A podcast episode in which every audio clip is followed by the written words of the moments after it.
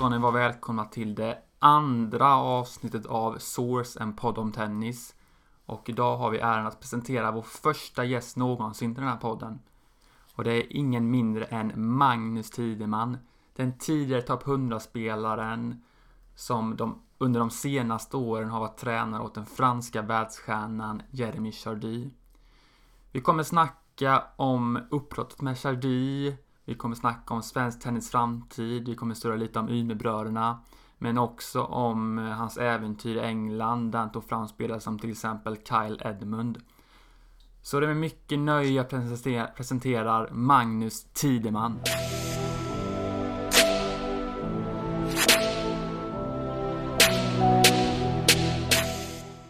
Ja, då ska vi välkomna vår första gäst till den här podcasten, Source and Podd of Tennis. Och eh, vi välkomnar Magnus Tideman. Eh, välkommen till Source, Magnus. Tack så mycket, det är en ära att vara första gästen. Hur är läget? Jo, det är bra. Vi sitter ju här i Uppsala. Eh, I ditt hem här och eh, det har varit eh, lite tid här nu där du inte... Eh, det tog slut med Chardy i somras. Ja, jag har varit hemma sen i, efter US Open. Eh, eh, några veckor har jag varit i Italien och hjälpt till en, en, en spelare där. Eh, eller hjälpt hjälp hans team så att säga. Jag är en mentor över han Hjälper hans tränare och, och spelaren lite grann. Men annars har jag varit hemma mestadels. Ja. Hur tycker du det funkar? Att vara hemma eller att ha en italienare? Ja, beskriv båda två. Ja, hemma är ju lite ovant eftersom jag har rest i 25 år. Eh, min fru tycker det var dags att resa lite grann, att eh, komma bort. Eh, det är lite konstigt när man, när man alltid har varit på resande fot. Italienaren är intressant, en 27-åring som har legat runt 160-170 som har varit opererad, ska tillbaks. Han har varit borta i 10 månader. Så att jag kom därifrån i förrgår faktiskt hem. Vi körde utomhus i Milano, fantastiskt väder. Och han ska börja tävla i Madrid nästa vecka och jag ska åka med de första två tävlingarna faktiskt. Vilken spelare är det du hjälper? Jag hjälper en, han heter Marcura, Roberto Marcura. Eh, han ska spela två Futures. Han har varit skadad, då har man Protected Ranking heter det. Man, han, han ligger 328 på den, så då går han in i de här Futurerna. Annars har han tappat alla poäng. Eh, eh, men han använder, man får använda Protected Ranking som det heter i åtta tävlingar. Okay. Ja, efter många år med Jeremy Chardida så tog det slut. Eh, kan du berätta lite varför eh, det tog slut där? Ja, tre år var vi exakt nästan på veckan. Eh, det funkade bra. Vi, vi är jättebra kompisar. Men, men eh, han spelade lite sämre och hade lite, lite skador. Och eh, jag ville liksom att han kanske skulle bli frisk innan han spel, fortsatte att spela. Men han, han ville spela på. Och, vi, och så har det gått dåligt och vi började bråka lite grann. Olika uppfattningar om, om hans nivå. Jag tyckte att han är så pass bra så att han ska vara topp, topp när han när han spelar. Men, men eh, han körde på att spela US Open och vann en match. Men, men eh, det blev, eh, vi sa det, då jag inte med i US Open om inte du är hundra och förberedd. Och, så vi, vi gick skilda vägar där fast på ett hyfsat sätt måste jag säga. Det är inga problem. Mm. Vad bråk? Kan du berätta lite mer?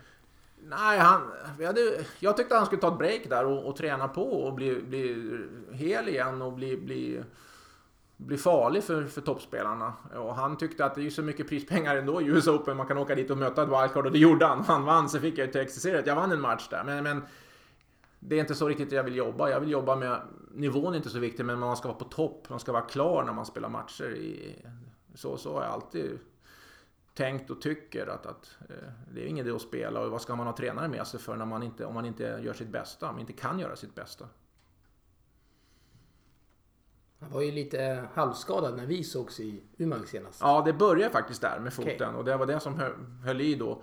Och man fick liksom hela tiden, ja, vi, fick, vi kunde inte träna fullt. Vi fick korta ner och jag ville inte ens att han skulle spela mot Nadal och de här på träningarna för att han, han kunde inte springa för fullt och då skulle jag ändå spela klart året. Och det, där var, gick, vi var så långt ifrån varandra där och, och, det är väl kanske svensk och fransk och lite så olika mentaliteter. Men, men så, jag är stark där. Alltså jag tycker att där tyckte jag att jag måste få bestämma och då, då gick vi skilda vägar. Men om du sammanfattar de här åren med körde i eh, så har det ju varit en väldigt lyckad period. Eh, eller vad, vad säger du? Ja, det tycker jag. Han, han, han, är ju farlig för de här bästa. Han spelar ju bara de tuffaste tävlingarna och låg 30 hela tiden. Han fick väl inte någon, någon titel och så, men, men han, han var jämnt runt 30. Eh, och, och, och vann ju, men förlorade mycket. Han är, han är inte ojämn, chansar mycket i sitt spel, men, men eh, jag, jag, jag trivdes och, och det, det funkade bra. Jättebra. Han är ju lite, eller han är, han, han är lite sårbar på sin backhand. Hur mycket jobbar man? Mycket hinner jobba med teknik när man är ute och... Ja, rätt så mycket. Vi gjorde rätt mycket teknik. Han, han gick från sli, bara slice till vi försökte att han skulle toppa mera. Och han, han har väl aldrig känt riktigt säkerhet i den. Men som sagt, när han spelade bäst, de bra matcherna han gjorde så kände han ju rätt så säker i den. Och det var det vi försökte hitta, att han skulle, att han skulle bli säker på backhand för att kunna bli topp 10-spelare. Eh, och det är väl där det klickar. Han har ju en forehand av världsklass och serve av världsklass Verkligen. och rör sig och så. Speluppfattningen kan ju bli bättre, eh, men just backhand är ju den svaga länken. Eh, och då, eh, är man då inte riktigt tränad i fötterna så är det svårt att springa runt och slå forehand från backhandsidan. Och det var det han inte han.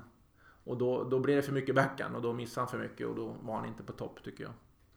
Följer du eh, någon, någonting nu? Ja, vi, vi har kontakt fortfarande. Jag kollar på matcherna och sådär. Men, men det... Eh, eftersom vi är så pass... Vi är kompisar och sådär. Jag vill ju väl. Men han har inte spelat riktigt bra tycker jag. Han säger att han inte spelat riktigt bra än. Men eh, han har ingen tränare och jag tycker att han, han skulle anställa någon som pushar honom lite grann. Han är lite lat. Har du något eh, tips där vad han kan eh, skaffa för tränare? Nej, nej det, är upp, det är upp till honom. Jag tycker han kanske ska ha en, en, en fransk. Eh, det, det kanske blir för mycket kulturchock när han hade en svensk tränare. Jag vet inte. Jag har sett lite bilder på när han är med Muratoglu på akademin där. Ja, han är där och tränar ibland, men inte så väldigt ofta. Inte så väldigt ofta. Kan du förklara den här kulturkrocken mellan svensk och fransk kultur lite? Jag tror att så är det i de flesta sporterna. Jag tycker även fotboll och så, vi spelar ju på ett speciellt sätt. Nu Zlatan gör väl inte det, men, men jag tror att Sverige ska, vi är ju inte så tekniska. Vi, vi ska väl köra lite tråkigt, lite system och, och sånt där. Envishet. Det är, som tyskar lite mera. Lite Lagerbäck kanske? Ja, lite. Jag menar, vi är ju inte spanjorer och italienare och fransmän. De är ju oftast lite mer tekniska. Jag brukar säga latin, latin player. Det, det är ju skillnad där lite grann. Alltså, det går inte att trolla med, med det vi har. Vi ska ju, vi ska ju vara, göra det vi är bra på tycker jag. Och vi är rätt envisa och starka. Det får de flesta, men kombinationen är väl bäst.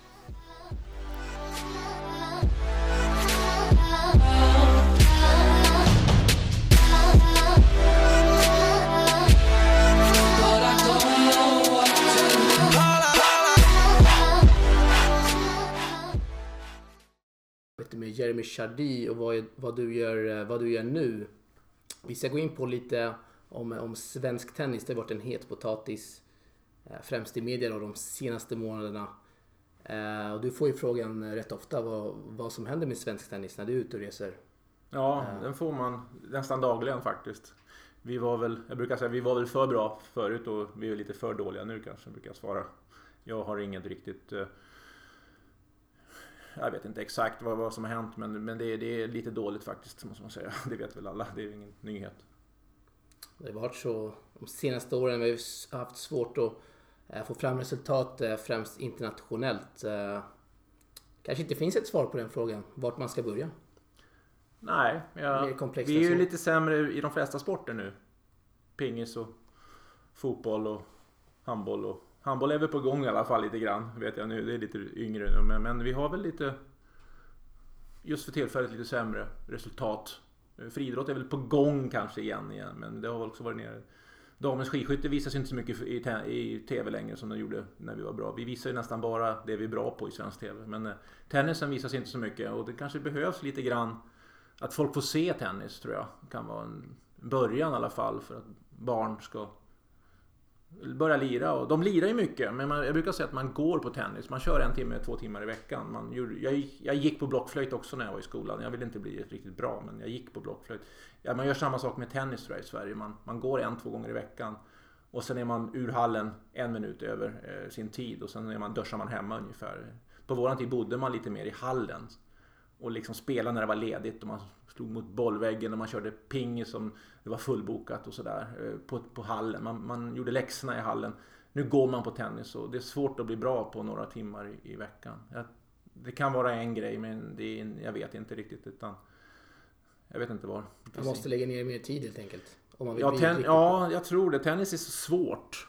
Ehm, På sommaren måste man ju spela tävlingar. Man måste träna, man måste liksom spela massa tävlingar. Nu åker man ofta med föräldrarna till Kanarieöarna tre veckor. Liksom. Det fanns inte på min tid. Utan det var på sommaren man tävlar och på vintern man tränar. Nu, nu, nu, nu tränar man på vintern och sen så tar man ledigt på sommaren.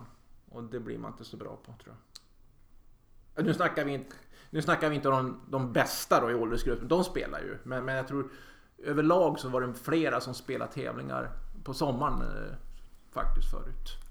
Kan du ta oss tillbaka lite till din tid när du var eh, i tonåren där? Du kommer ihåg du berättade om det i Umag i somras att, du, att ni spelade oerhört mycket matcher på, på sommaren just. Eh, Vad betyder det tror du? Och, nu är det olika tidsepoker. Man liksom, jag låter som en dinosaurie kanske ibland. Men, men, men jag spelade 50 matcher säkert på sommaren. 50-60 matcher. Och då hade man några toppar som SM och Båstad var ju det man liksom... Sen var det mycket mindre tävlingar runt omkring. Man spelar ju A och B-klasser och juniorklasser och... Nu är det lite dyrare också att anmäla sig så jag förstår att inte en familj kan anmäla, då i fem klasser i, en tävling till exempel. Men, men eh, det var på sommaren man spelade. Det var på grus, utomhus. Liksom, nu spelar man inte så mycket utomhus utan när man inte spelar då på sommaren då blir det nästan bara inomhus. Och då blir det lite slarvtennis och spela lite flackt över nät och, och sådär. Så att det, men som sagt, eh, jag, är inte riktigt säker på, på varför vi är sämre. Men, men det- jag tror det spelas lite mindre tennis överlag. Du nämnde senast vi träffades då i, i Umeå att det var lite för mesigt i svensk tennis. Eh, lite mer backträning kanske. Ja, ja, nu låter man väl gammal igen, men jag tror att det är svårt också för tränarna. Liksom. De, de har ju mer pappersarbete arbete och barn kan ju inte spela utan tränare längre. Det var liksom lättare förr, då kunde de ju spela en match med en kompis liksom, utan att... Nu måste tränaren vara med, de måste öppna bur- burken med bollarna, annars blir den inte öppnad om inte man kommer i tid. Liksom. Det, det blir liksom... Det blir helt fel och det är ju alla i fotboll med. Liksom. Ja, det, det måste ju alltid vara tränare. Och, och så har man pappersarbete och det blir svårare på, på klubbnivå. Men, men, men det är ju på klubbnivå man ska utbilda spelarna. Och sen får de åka med förbundet, kanske på träning. Men nu i Sverige, liksom, då är det ju... Ofta tror de att det är förbundet som ska ta fram spelarna. Men så har det ju aldrig varit i Sverige. Utan det är, spelarna har ju kommit från små orter runt om, från olika klubbar. Och sen har man fått åkt med på någon EM och sånt där med förbundet. Men det, nu kommer det ju inte fram några från klubbarna. Och då vet jag inte riktigt vad det är som händer där. För jag har inte varit med på klubbnivå nu någon gång egentligen. Så att det är bara det att jag tycker det är konstigt att det kommer inte fram så mycket spelare från olika klubbar. Har du någon aning om varför det inte gör det? Nej, jag tror som jag sa innan att man går på tennis. Man, man, man lever inte. Det är för mycket roligt annat att göra kanske. Man spelar på online med en japan när man kommer hem. Det är skitkul med fotbollsspel kanske. Jag vet inte. Det är, jag förstår att det är kul. Det fanns inte på min FIFA tid. Ja, jag förstår det. Jag menar, jag, vi hade vi pingpong som kom först på, på tv-spel liksom, mot två stycken. Då spelar man hellre tennis. Att det kanske finns för mycket utbud nu då, Jag vet inte. Men, men eh, det måste man vara. Det måste vara... Och absolut, om, man, om då någon kille eller tjej lever i, på, på klubben, då är det klart att hon måste ju, eller han måste ju, måste ju träna hårt. Alltså det är ju, och inte bara springa backe som jag sa, liksom, men, men man måste göra det ibland. Man måste ju köra, köra så vissa dagar och vi, sen ska man ha kul när man är ung så man kommer tillbaka till tennisen och klubb, klubbmatcher och utbud. Jag tycker inte om den här poäng eh, som infördes i förbundet med den här poängräkningen för en, var det 15 år sedan. Där man får poäng för liksom om man, man ställer inte upp i vissa tävlingar för där kan man inte få poäng. Den här ranking, vad fan det heter, det är helt bedrövligt. Alltså man, det spelar ingen roll vad man, hur, hur bra man är när man är på väg upp. utan Man ska bara tycka det är kul att spela matcher. Och, men så, föräldrarna är ju tokiga de där poängen också. Och jag har ju hört att man inte, man liksom bättre att lämna VO ibland än att, liksom, för man kan få minuspoäng. Och jag, jag kan inte det där och jag tycker det är idioti att ha det där som när man började med, eller så för länge sedan. Och den som kom på det vet jag inte vem det var men det, jag, jag tror inte det var bra alls. Eh, du, Du vill se mycket matcher helt enkelt? Ja, matcher och barn som, som tycker om att spela matcher och liksom... Gör man sitt bästa spelar det ingen roll hur det går liksom. Men, men det är för mycket... Kanske med de där poängen då när man är 10-11 år. Man tänker och föräldrarna tänker på poängen och så blir det, grinar man i bilen. Man, det är för mycket, jag vet inte. Jag tycker man ska spela mer matcher men, men det behöver inte vara så viktigt. Klubbmatcher, seriematcher. Jag tror att jag tror det kan vara bra. Utan att spela med de här poängstressen som en del har. Som är totalt oviktiga. Det är samma med den här 14-årsklassen, Tennis Europe, poäng. Det är ju inte ett dugg viktigt. Det är ju de som, ofta är de som har staten som åker till Italien och får gratis hotell med, med coach. De leder de där. Eh, för att de, de åker och tränar och spelar matcher på sommaren för, för att få gratis hotell. Liksom. Det, eh, helt oviktigt. Sen när ITFen kommer upp när man är 18 är det väl lite viktigare, men det är inte så viktigt det heller. Det, men det där kan man ju ändå kanske komma ut och få spela lite Grand Slam och sånt där. Men det, det, det, vi sätter för stor vikt på det där. Så fasen, det, du ska vara bra när du är 20, 21, 22 och ha kul upp så du fortsätter tills du är 22. Men hur, hur ska klubbarna få, eh, få eh, kidsen att välja tennisen för äh, dataspel? Finns det någon strategi där? Jag vet inte, men vi, har ju valt rätt. Det är ju fullt i varenda klubb, så jag förstår. Det är ju många som spelar. Vi måste lära oss och, och de som är bra, de som tycker det är kul kanske ska få mer. Nu är det så mycket ekonomi. Jag brukar jag pratade mycket med Johan Sjögren. Han sa liksom, när man kom till din klubb förut så sa, då frågade hur, hur går det i klubben? Ja, det är grymt. Vi hade två i semi en i kvart sa de liksom för 10-15 år sedan. Nu kommer man till en klubb. Ja, det ser jättebra ut. Bra ekonomi nu. Säger de. Så att det har blivit en ändring från resultat till ja, det är fullt på tennisskolan. Det är liksom det målet för en klubb. Och klubban, det, liksom, det är ju, de ska ha bra ekonomi men de ska ju också ha kanske fyra killar och fyra tjejer som, som är bra. Som man stöder och liksom kanske ger lite bidrag och kanske de kan ut och spela sommartour och vintertour och lite matcher. Sen behöver man inte åka till Portugal och spela en, en under 14 tävling. Det blir man inte ett dugg bättre på. Man kanske, då ska man spela kanske kvalet i en vintertour i Falun istället. Varför liksom, ja, jag vet inte. Jag, jag, jag har mycket åsikter. Jag, jag, vet inte om jag har rätt heller, men jag tycker att det, klubbarna måste liksom ha, också satsa på toppen för att eh, topp ger också bredd. Men du tycker eh, du är en stark förespråkare för sommartour och vintertour. Det förs ju en debatt om det också. Om det ska vara kvar eller ska läggas ner. Ja, men vad ska man annars spela? Hur kan man ha en debatt mot det? Och ska man åka till Portugal och förlora 25 000 så måste man ha en rik pappa och en sponsor för att kunna spela tennis. Eller det är bättre att åka till Sundbyberg och spela. Är det inte det om man bor i Tullinge? Ja, det, Mer ekonomiskt. Ja, och det är bättre prispengar ska, ska folk ha klart för sig i svenska sommartouren än vad det är på Future. I Future får du 200 dollar om du går till kvarten. Och ingen svensk går knappt till kvarten i, i Futurerna. Så att de som, är, som inte vill ha sommartouren, de, det förstår jag ingenting av. Vad, vad säger du om seriespelet då? Är det en bra eh, eh, grej för svensk tennis? Ja, det tycker jag är bra. Helst om det är tid när det är inga tävlingar. Eh, och då ska man känna liksom att man spelar för klubben lite grann, den här känslan. Och, men det är väl många som inte vill spela för det ger ju inga poäng kanske. Jag vet inte, eller kanske ger poäng, jag har ingen aning. Men, men om en klubb ställer upp med banor och bollar, det är ju självklart att han eller hon ska spela för klubben då. Det är ju liksom... Det, det behöver man inte ens diskutera. Varför ska en klubb satsa på en spelare och hjälpa en spelare och, och inte, om inte spelaren ställer upp i serien. Det är ju idioti i, i, i, mina ögon. Däremot om till exempel en junior ska åka till Orange Bowl eller om förbundet vill att de ska spela EM under eller något sånt där. Det är självklart. Men om en spelare inte vill ställa upp när man får gratis bollar och gratis banor och gratis tränare i många, många veckor per år. Den spelaren ska ju inte få vara kvar i klubben. Vi har sett mycket, många utländska spelare i, i elitserien som, eh, som hjälper klubbarna. Eh, hur ser du på det? Att man värvar in folk för, för, för höga löner? Ja, höga löner vet jag inte om, om det är. Utan det är väl mer sådana här halv dubbelspecialister eller som inte har så mycket att göra som är här och spelar. Men ja, det är fördelen att de kanske kan träna mer om, om de är kvar några dagar. Eh, är de här hela tiden tycker jag det är nästan, nästan okej. Okay, för då kan de ju träna med de här bättre spelarna och få lite utbyte så. Sen tycker jag det är ju lite konstigt om man kanske har då en juni, några juniorer som inte får chansen på grund av att man tar in en, en, en halvdassig dubbelspecialist från Holland. Liksom. Eh, där tycker jag det finns en, en gräns.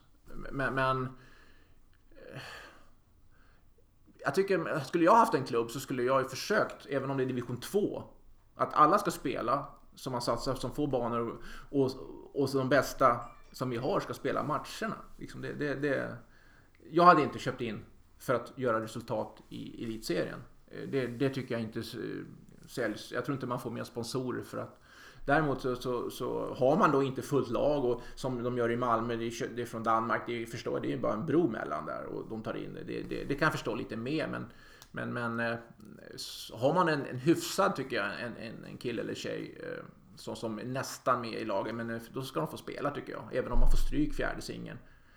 Just för nästa år och för, för framtiden. Du som har varit ute mycket i Europa, hur, hur gör um, spanska klubbar, hur gör italienska klubbar för att få fram spelare? Ja, jag har inte sett på klubbnivå riktigt vad de gör, men de, först, man har, de har så mycket spelare. Eh, och så spelar de ju mycket mer på grus. Jag tror att det är viktigt. För att ofta då svenska tränare, tror jag, eh, man spelar inomhus så pass mycket och det där, där är det mer chanstennis. Och, och många liksom, man ska gå förslagen och liksom sådär. Men, men spelar man på grus så, så lär man sig kanske mer vara lite, lite rädd om bollen och spela med lite högre marginal, högre marginal över nät och ändå också innanför baslinjen lite mer mera kamp, mera svett. Eh, jag tror att man det är lättare med den, det klimat de har nere i, runt Medelhavet där och spela tennis faktiskt. På, på grus tror jag man lär sig snabbare hur man ska spela. Ska vi ta in eh, tält igen här i Sverige? Kan det vara en lösning?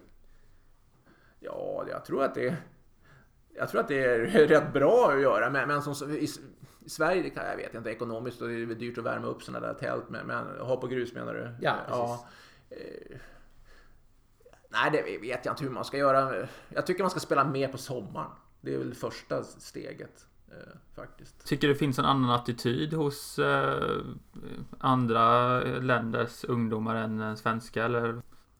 Nej, jag, det, det, vet jag inte. Jag, jag, tror att antalet är otroligt skillnad. Alltså som spelar. Jag, vet, jag jobbar i engelska förbundet. Vi gjorde en undersökning där i Frankrike tror jag var 90 000 licensierade juniorer som spelar mer än sex matcher om året. 90 000. Jag vet inte vad vi har i Sverige. Vi kanske har 6000 som spelare, 3000. Alltså det, är, det är sånt otrolig skillnad på antal och då blir det ju ofta lite bättre. Men jag tror största delen är eh, att det är grus och utomhus och så att, att klubbarna kanske ja, lägger ner lite mer tid på de bästa. I Sverige är det lite fult att satsa på de bästa i, i allt. Det ska vara lika. Lagom ska det vara. Lagom ska det vara. Eh, du nämnde ju Brittiska förbundet. Eh, kan du berätta lite om ditt arbete där? Eh? Ja, där var jag eh, i sex år faktiskt. Efter, jag, jag var ju med Thomas Johansson i, i 10 år, 11 år. Sen var jag eh, sex år i England. Med, och då började jag med 16-åringar där, killar bara. Eh, jag har nästan alltid bara jobbat med, med killar. Eh, och eh, där var de ju lite, där har de ekonomi. lite bortskämda men men bra kämpar och, och, vi körde hårt i sex år. Med, med, jag var ansvarig för, för både utbilda brittiska tränare men också ha ett gäng eh, som vi körde med där.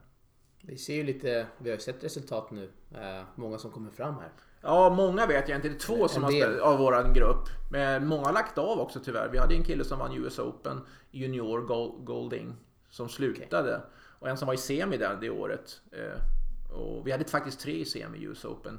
Eh, Edmund fortsatte, han är ju bra nu. Men, men, så att antingen så pressar vi dem för hårt så att antingen blir de riktigt bra eller också slutar de. Så att det är ju också inte riktigt bra kanske. Men däremot eh, två blev ju världsstjärnor. Så att, eh, eh, men där körde vi ju väldigt, väldigt hårt med dem. Men det var de bästa då i England som vi drog ihop i en grupp och som bara blåste på. Och jag tror att det, det, det är svårt att göra så i Sverige. Utan vi har inte den möjligheten. Du, när två blev världsstjärnor, vem förutom Edmund var det? Evans. Evans Daniel okay. Evans. Daniel Evans. Jag menar, världsstjärnor tycker jag är om man är topp 100. Ja, är man ju- fotbollsspelare topp 100 så är man stjärna i Arsenal. eh, Och hockey, då är man stjärna i Boston eh, i hockey. Om man är kanske topp 100. Han har ju visat i slams nu att han... Ja, jag menar det. Alltså, men i nivån. Sverige, ofta i tennis, så är man inte världsstjärna förrän man är topp 10. Va? Men i ishockey är man stjärna bara man kommer hem till Sverige på sommaren och var back i Boston, fjärde kedjan. Då är man grym. Liksom. Så att det är väldigt stor på olika sporter. Man kanske är 600 i världen om man är back i Boston. Men kommer man hem på sommaren då är man LHL-proffs och är ku- kung. Liksom. Du nämnde ju Kalle Flykt där. Då. Ja, han var ju 225 i, i, i, i världen ett tag. Och eh, basketspelarna här i Uppsala tyckte ju liksom att han var kass. Men basketspelarna i Uppsala var kanske inte 225, de var 25 000 kanske då. Men de var med i landslaget och tyckte de var jättebra. Så att det... Tennis, vi är ju bortskämda lite grann. eh, Tyvärr. Det är samma som med Stenmark där. Om man inte kommer topp tre så är man ju nästan. Han vann ju med tre sekunder. Liksom. Så att jag tror att det är lite grann... Eh, men det är kanske bättre nu när det har gått dåligt så många år. Så att nu kanske vi pushar om det börjar gå lite bättre. Och det börjar ju gå lite bättre i alla fall för bröderna Ymer är ju är ju på gång lite grann. Ja. ja, vi ska ju snacka Umeåbröderna lite senare, men eh, det finns ju vissa eh, som kallar Future-turen för eh, gästgårdsserie. Vad, vad, vad, säger du, vad säger du om det? Gärdsgårdsserie, ja då är man rankad 400-500. Ja, vad är då allsvenskan i ishockey? Eller allsvenskan i fotboll? Var ligger de rankade? Eh, jag vet inte hur, man ska jämföra. Tennis är ju en världssport. Hockey är kanske inte riktigt eh, så många länder som spelar ishockey. Men tennis spelas ju i varje land. Och är man då 600 är man ju rätt så bra. Du spelar du i AIK i ishockey så är du ju inte 600 kan jag säga. Så att det... Jag vet inte om det är, det är den sämsta, eh, lägsta nivå man kan spela för att få ATP-poäng. Så visst är den dålig, men det är ändå som, det är som golf Challenge Tour. Men golf har ju så många olika tourer. De har ju American och Europatouren och, och Asientouren. Och vi har ju bara en tour, va? så det blir den sämsta vi har, men den är ändå hyfsad nivå. Ja, går man ner och kollar en Future-turnering då, då ser man ju riktigt bra Ja, spelare. där tycker jag det har hänt lite grann, Eh, i alla fall på Challenger. Eh, vissa på sommaren, eh, Future, är inte så hög nivå tycker jag. Men på våren nu, på vintern är det inte så många tävlingar, då är det rätt bra nivå. Och Challengerna, där, är det största skillnaden tycker jag mot när, när jag spelade. Då, det var ju inte så bra klass. Men, men nu tycker jag challengerna, är- vinner du en challenger nu då är du ju klar för ATP. Tycker jag. Och det var det inte så förut utan det var ett litet hack däremellan. Men där har nivån höjt sig ordentligt tycker jag. Grymt. Vad, vad lärde du dig när du, var, när du var i England och tränade de här juniorerna? Vad jag lärde mig. Jag hoppades att jag var rätt fullärd när man har varit med Norman och Johansson i tre år i förbundet och 11 år på touren. Men, med, så att, eh, jag vet inte om man ska säga att man var fullärd men jag har gått igenom rätt mycket men, men eh, det var kul. Jag tog med mig Engelsmän är ju roliga. De, de eh, slarvar med både lite grann alkohol ibland och bettar och så här, men de kämpar som fasiken. Och man kommer rätt långt med bra inställning när man är på banan. Man behöver inte vara perfekt alltid, men när man sätter in sina skor på banan så då, då sliter man. Och då, det sa alltid farsan till mig när, när eh, du kan vara i sandlådan mellan träningarna och mellan matcherna, men när du kommer in så ska du blixtra till. Och det är lite, stämmer rätt bra det, för att man när de tid- tider man har, de timmar man spelar så ska du ge järnet alltså. Hur mycket märkte du av eh, Murray-effekten där nere? Att folk blev sporrade av han. Lite grann, han är inte så jätteomtyckt. Eller har inte varit omtyckt i England så mycket. För eftersom han är skotte. Men det har blivit lite bättre. Så jag tror fortfarande att det pumpar på på junior. Eh, De har inte så bra klubbar där i England heller. De vill helst att de äldre ska spela vita klädsel och dricka te och ha mycket pengar. Så att deras juniorsatsning är nästan bara förbundet där. Men de får ju in pengar från, från Wimbledon.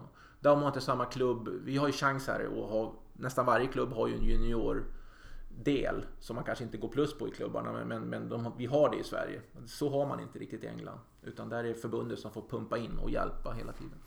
Du nämnde att det var lite sandlåda där eh, mellan tennisen. Finns det någon rolig historia du kan eh, bjuda på gällande eh, engelska ungdomar och så vidare?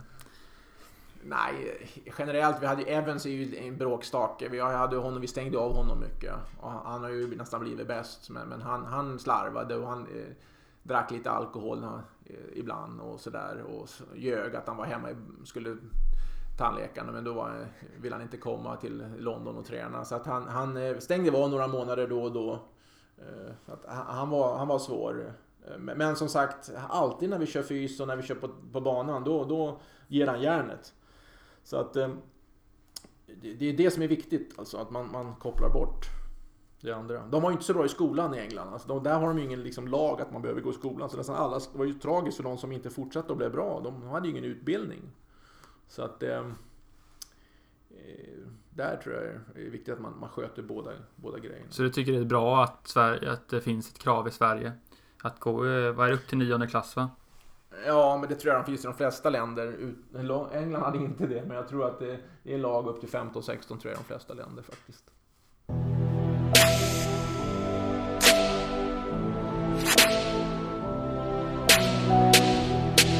Jag vill sitta och surrar med Magnus Tideman i Uppsala och vi tänkte kolla lite här, svensk tennis framtid. Eh, Magnus Magnus har inte så bra koll på tjejsidan här meddelar du, men herrsidan har du bättre koll på. Hur, hur mycket följer de svenska spelarna egentligen?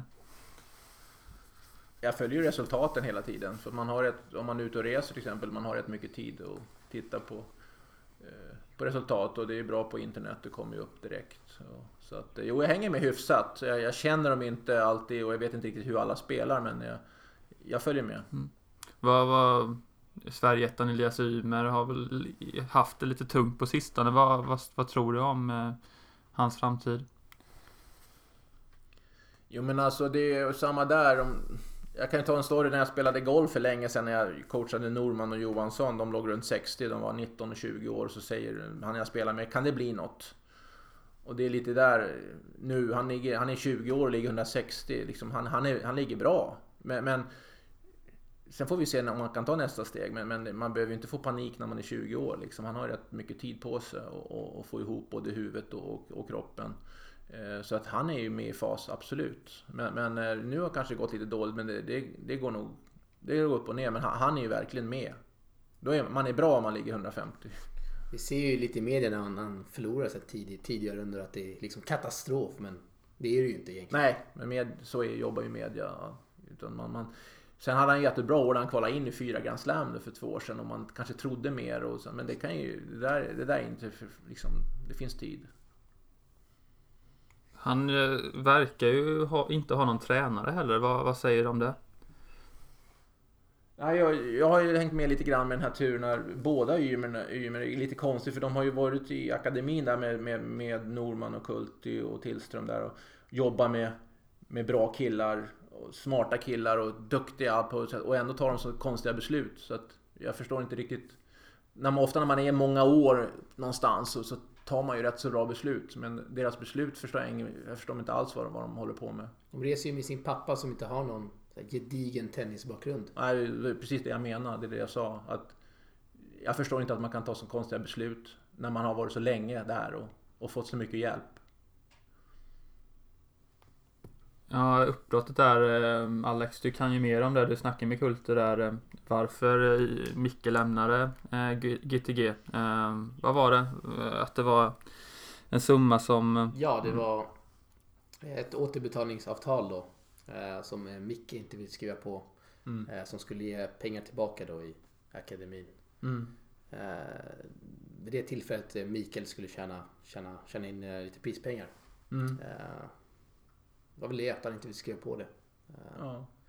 Jag vet inte vad men alltså det åter, kommer vi gå till, till klubbarna igen. Spelar man, tränar man på tider och får banor och får hjälp så ska man väl spela serien. Det, det, är ju ge och ta i livet. Va? Och klarar man inte de besluten att, att hjälpa tillbaks eller känna att man har fått hjälp, då, då det, de besluten förstår jag inte på. Men hur, hur, ser du på deras framtid där? Eh, vi såg ju Mikael Ymer spela fantastiskt i Stockholm Open eh, till exempel. Ja, tennisen är inga problem alls för dem. De, är duktiga båda två. Och jag hoppas det går jättebra för dem. Eh, men, men som sagt, jag får inte ihop liksom deras ta tankar. Men det, det är inte så att säga att jag har rätt, men, men jag tycker, eller, de, de kanske tycker att de har gjort rätt och det har de ju tyckt. Men, men jag förstår liksom inte riktigt. Ja.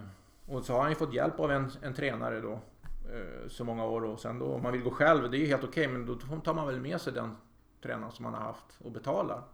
Jag hade ju både Johansson och Norman då i förbundet i tre år och sen skulle jag ta ny grupp och då frågade Thomas om, jag, om han fick betala mig privat då och gå vidare. För att han var nöjd med det.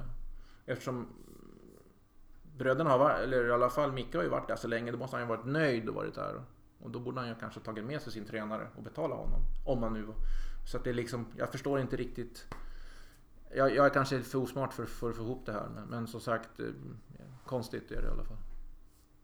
Men tennis kan de spela. Ja, verkligen. Vem tror du når topp 100 första? Av Ymerbröderna? Ja...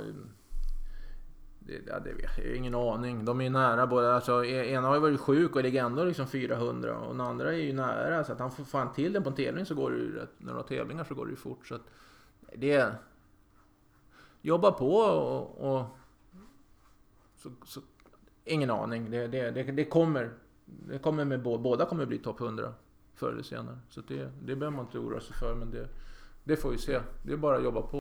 Hur ser du på att eh, svenska spelare eh, funderar på att satsa på en dubbelkarriär kontra Futures eh, under singeln då? Vi har ju till exempel Isak Arvidsson som gör jättebra resultat i dubben och eh, skulle kunna bli en framstående i, i ATP då, i dubben. Du var ju själv ja, en framgångsrik ja. dubbelspelare. Men dubbel är ju lite mera liksom att det, blir, det är liksom inga pengar i dubbel. Det blir jobbigt att livnära sig. Du måste vara liksom Lindstedts nivå och bättre för, för att få spela dubbel. Så att dubbel på challenge-nivå finns inte på kartan. Det, det, kostar, du får inga pengar alls. Du måste bli topp 20, topp 30 för, för, för att gå runt. Och det, det är svårt. Och jag tror att när man börjar tänka på de banorna när man är 25-26, då kanske det är bättre att liksom börja jobba istället. För att man måste vara så jäkla bra. För att, sen är det ju fina hotell och bra skjuts och sådär, men det blir inga pengar. Det, det är jättesvårt att livnära sig på om man ska få bilda familj eller man... Eh, det är svårt.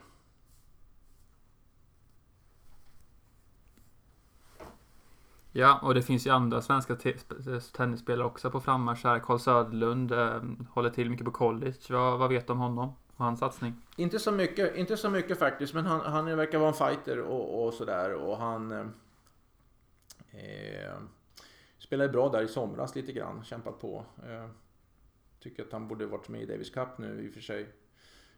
Förra matchen. Eh, så bra tycker jag han verkar vara. Jag vet inte detaljerna men, men jag tycker att eh, man ska spela med Davis Cup för mig är det, det bästa laget man ska ha sen. Eh, och han tycker jag verkar vara topp tre i alla fall på singel. Då ska han vara där. Vad, vad säger du om att han spelar i college i USA och väljer den satsningen? Jag tycker college är rätt så bra nu. Jag har ändrat lite grann för att på, på min tid då för länge sedan så, så de bästa åkte ju inte dit utan de bästa spelade Vi var tidigt rätt bra i Sverige då och då var det liksom Då är det några som har blivit bättre där. Stefan Eriksson, Pernfors blev ju bättre med. Men, men nu tycker jag att det dröjer länge innan de blir bättre och, och kan få en utbildning och spela mycket matcher och mycket träning. Jag tycker att det är mycket, mycket bättre nu än vad jag tyckte förut.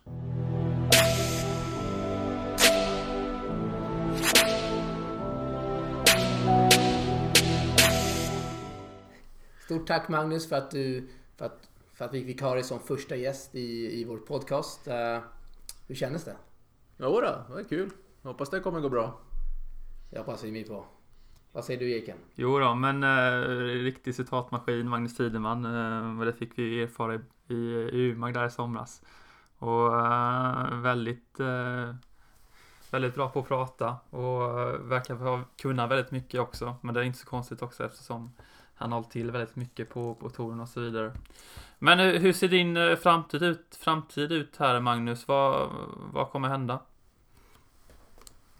Ja, jag har varit i kontakt med Martin Boom, en gammal kompens kollega i England faktiskt. Han bor i Holland och jag kommer eh, troligtvis hjälpa en holländsk spelare som är 19 år som heter Tim van Richten, tror jag man säger. Richten.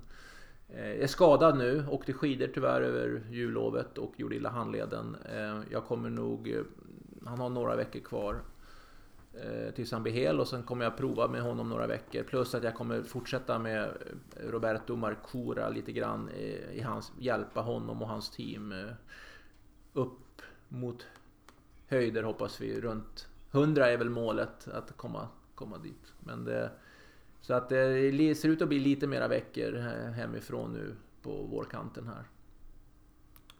Härligt, härligt. Vi får väl se om det blir några kvällsrubriker av eh, detta avsnitt, Magnus. Ja, det får vi se. Ja, jättestort tack Magnus Tideman. Stort tack Magnus. Tack, tack.